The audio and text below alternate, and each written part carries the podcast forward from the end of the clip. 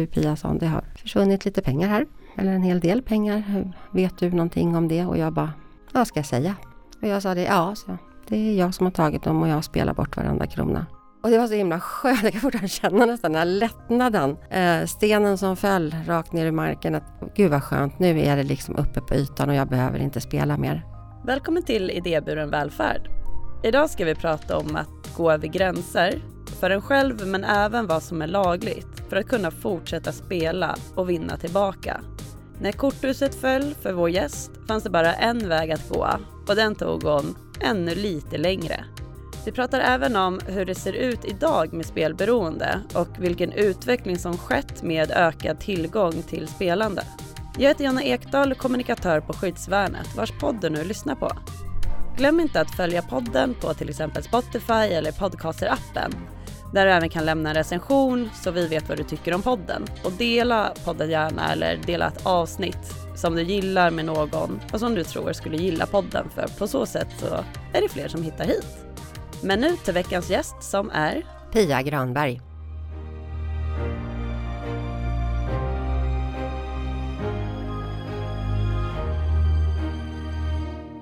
Välkommen hit Pia. Tack.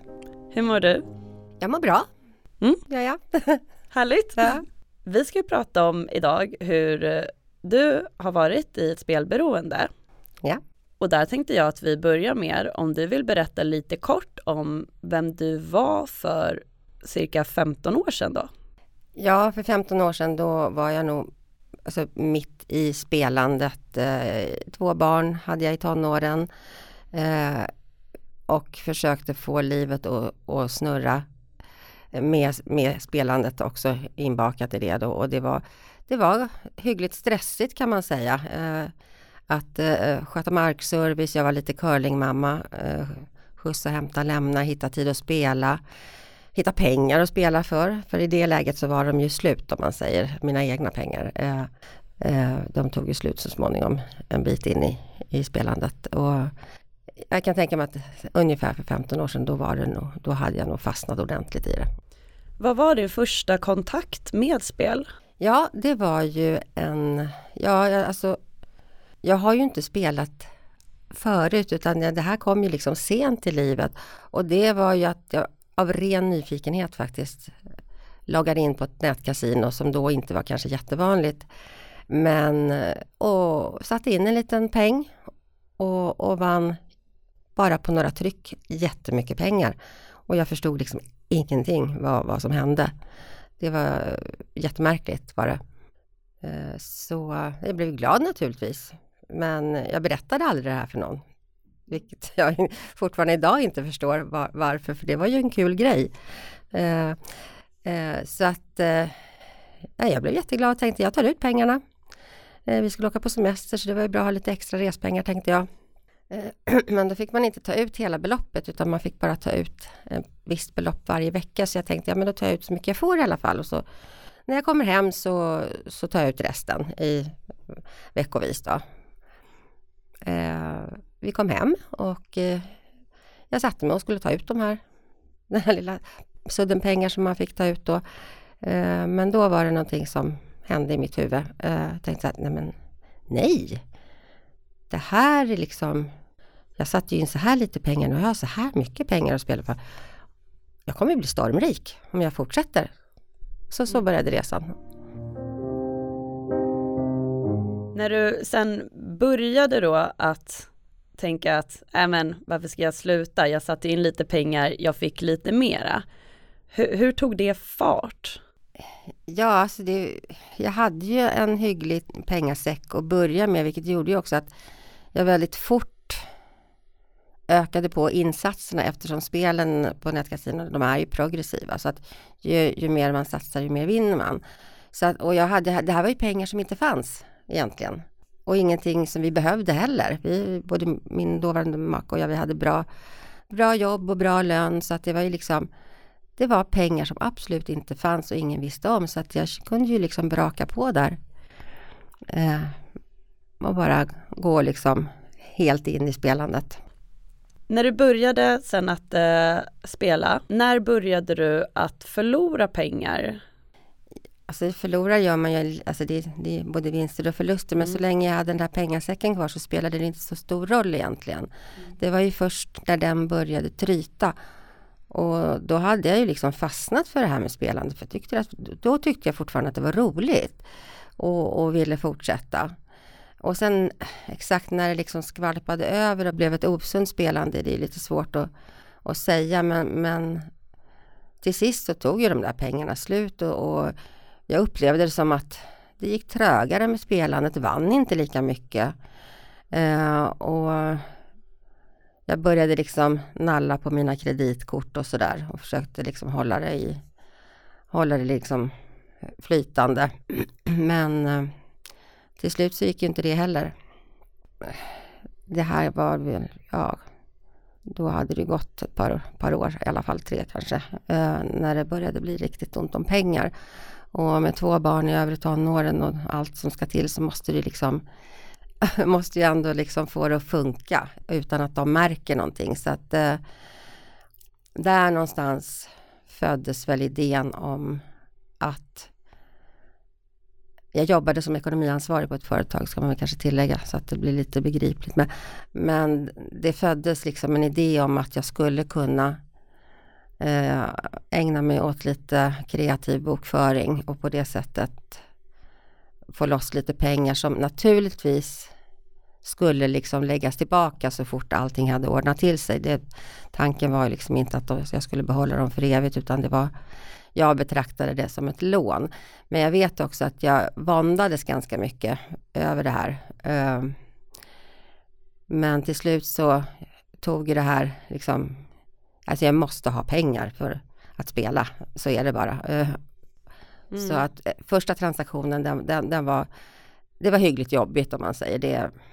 Det var inte så att jag bara liksom gick in och tog dem där utan jag grunnade faktiskt flera dagar på att det här, jag visste ju att det, det är inte rätt, det är, det är jättefel men till slut så tog spelar-Pia över och då, då är det inte mycket som hindrar.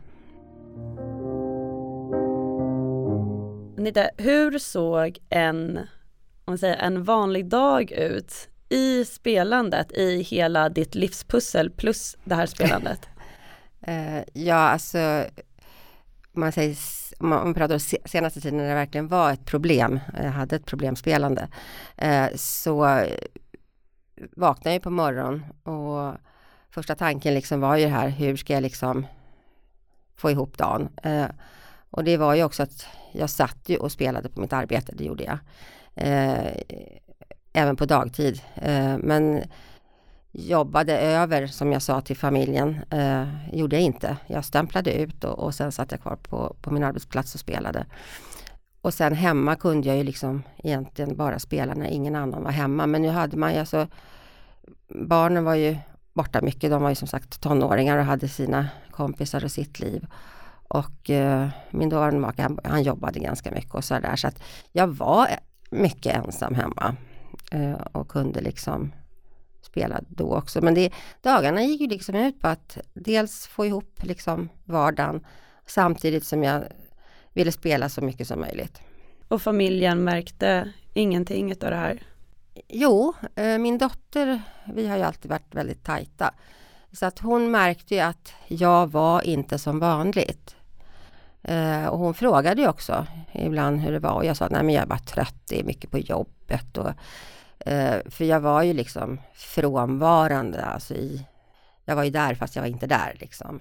Eftersom hela tiden så gick ju hjärnan i cirklar för att liksom få ihop allting. Och det är klart att det började ju tära på mig också, både psykiskt och, och, och fysiskt att hålla på så här. Så att när kvällen kom och allting var liksom, alla hade landat på något sätt, och bara, då låg jag egentligen bara i soffan och sappade framför tvn för jag orkade liksom inte mer. Eh, och det är klart att det märks ju. Eh, men då kunde jag ju alltid skylla på jobbet. Ja.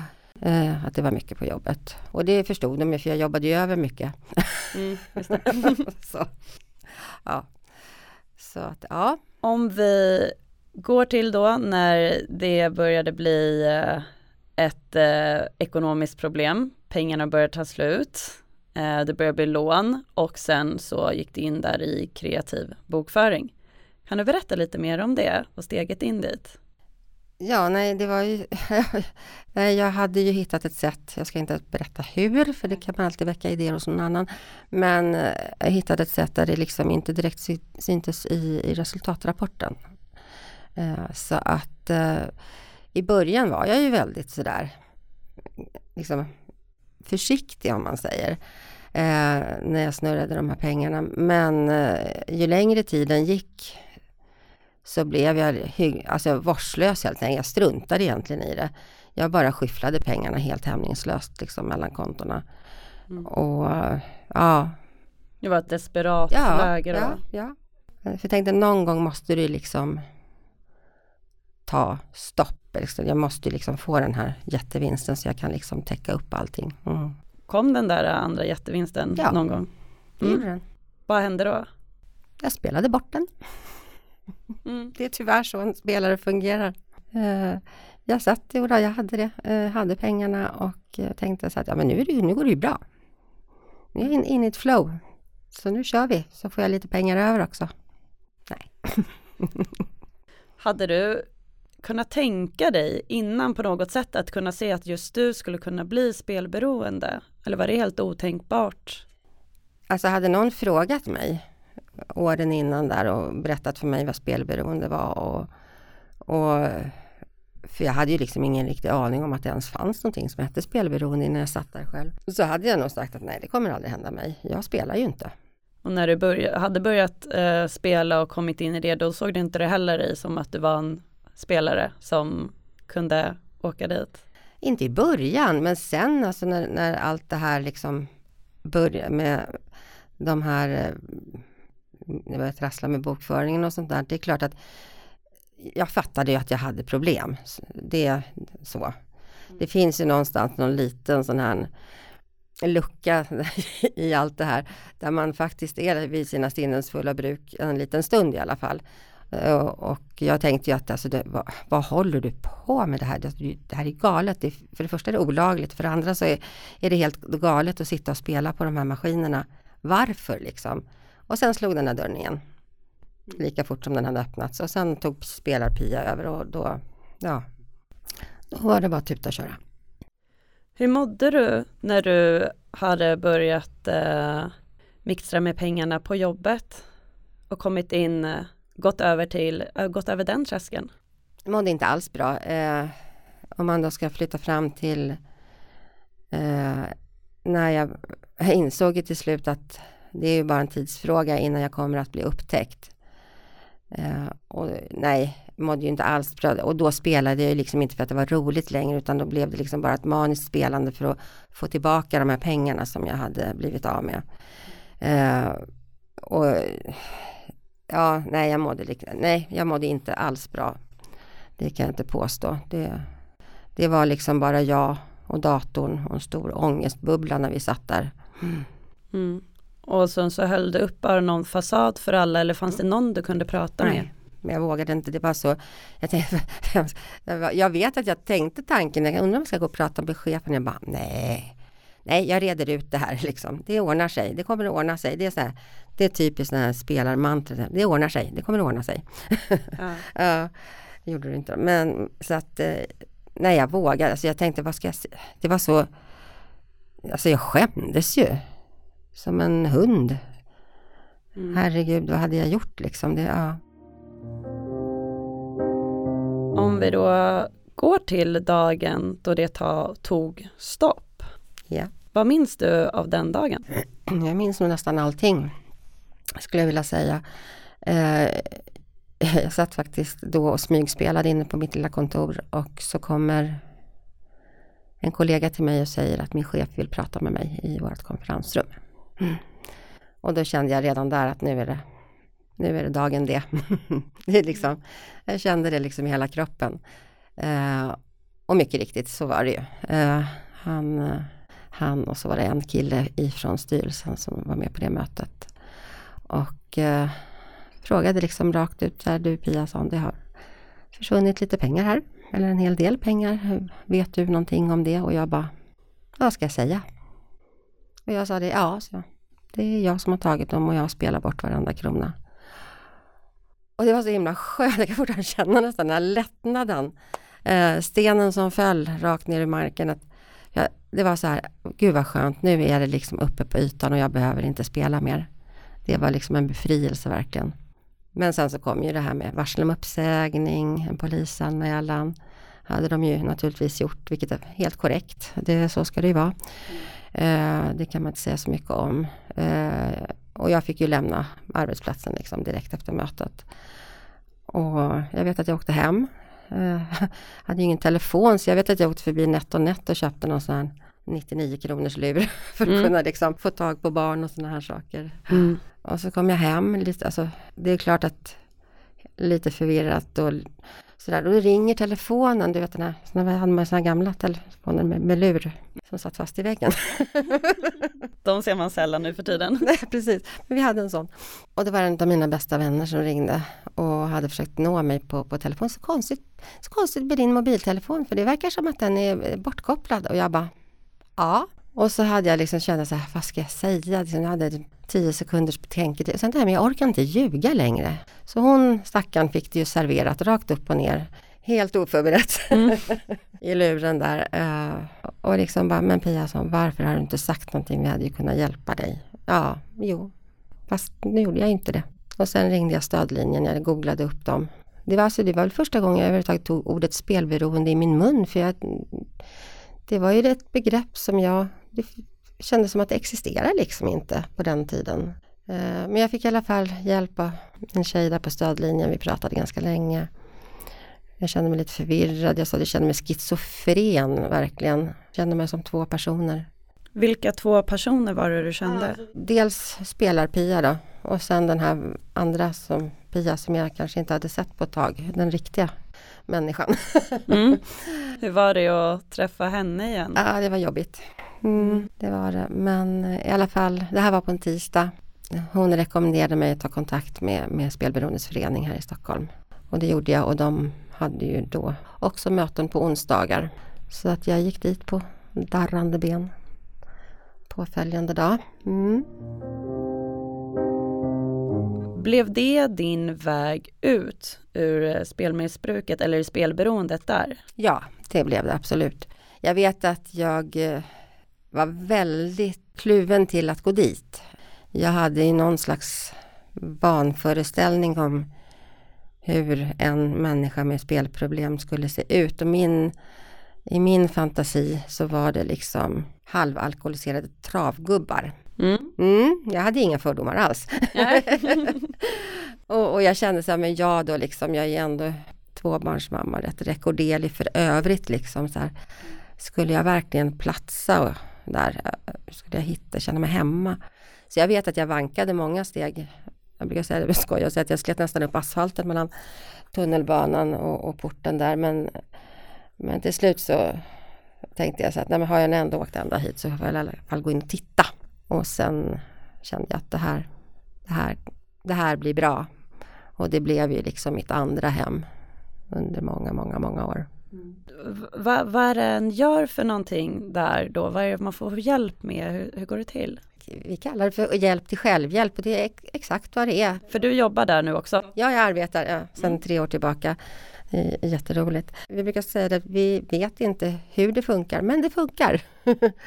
Och det är ju att vi, vi träffas ju, det är ju då spelberoende och deras anhöriga som, som kommer till föreningen. Och, och egentligen så sitter vi bara och pratar eh, och stöttar varann och man peppar varann. Och man, jag fick jättemycket goda råd i början. Och det som är så skönt det är ju att dels förstår de vad jag säger. För alla har ju varit med om något liknande.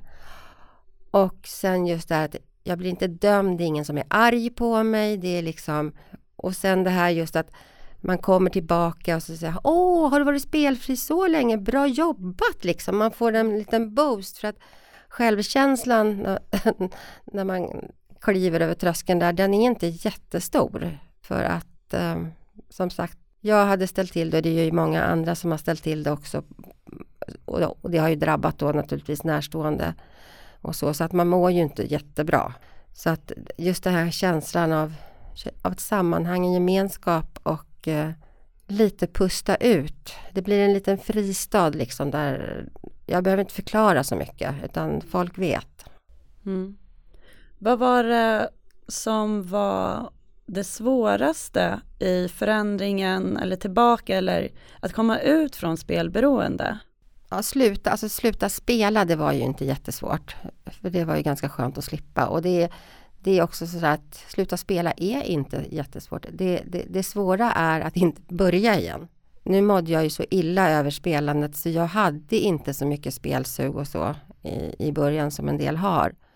Så jag klarade mig liksom där ganska lindrigt. Det som är lite knepigt är ju det här ljugandet. För det har ju blivit ett beteende i sig att ljuga.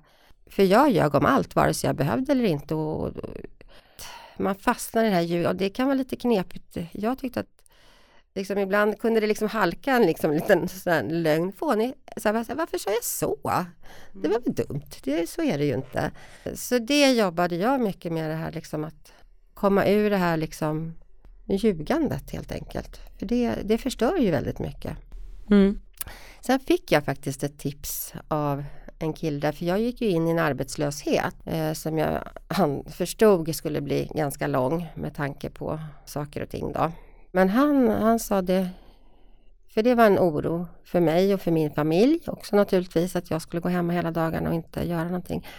Men då fick jag ett tips om att gör ett schema, gör ett dagsschema. Och sen ska det dagsschemat vara avprickat när du går och lägger dig på kvällen. Jättebra råd, som jag gärna delar med mig vidare av. det är precis det jag behövde då, jag behövde struktur. Mm. Och hur kunde det, ett sådant dagsschema se ut? Eh, ja, gå upp på morgonen, duscha, äta frukost, söka jobb fram till lunch, äta lunch, ta en promenad en timme, en och en halv, eh, hem, söka lite mera jobb, börja förbereda kvällen, middag och allt det här. Mm. Och ja, har väl kanske varit och handlat lite emellan där och så. Mm. Mm.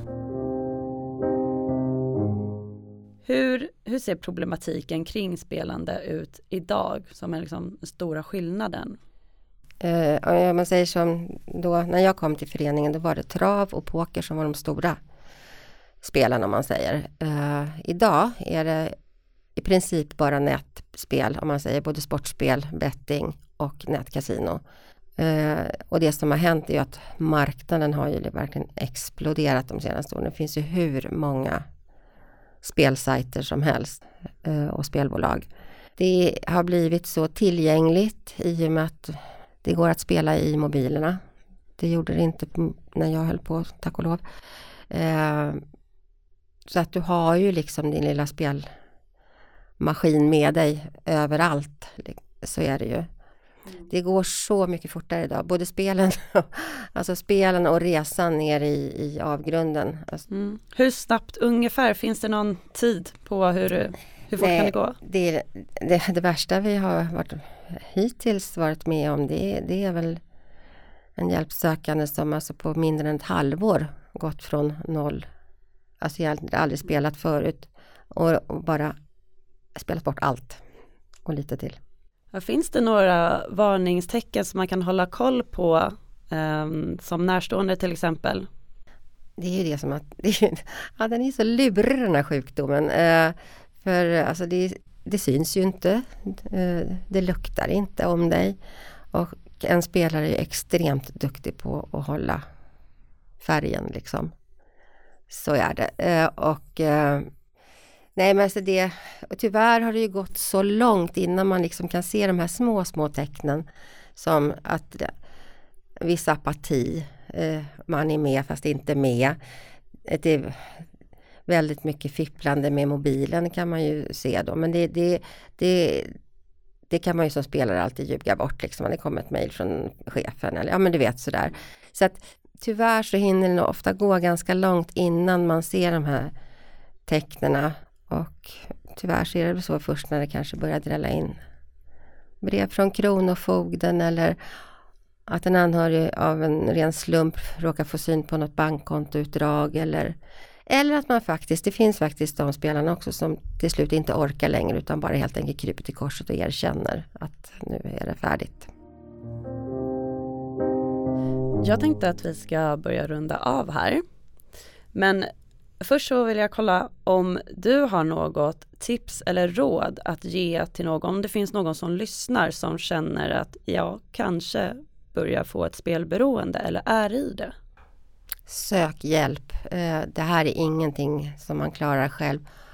Du behöver inte skämmas för att det här är liksom Det är en Det är en sjukdom och det, det är liksom Nej, du kommer inte ur det själv. Du måste ta hjälp på ett eller annat sätt. Det finns eh, Man har rätt att få en KBT-behandling som det oftast är i sin hemkommun.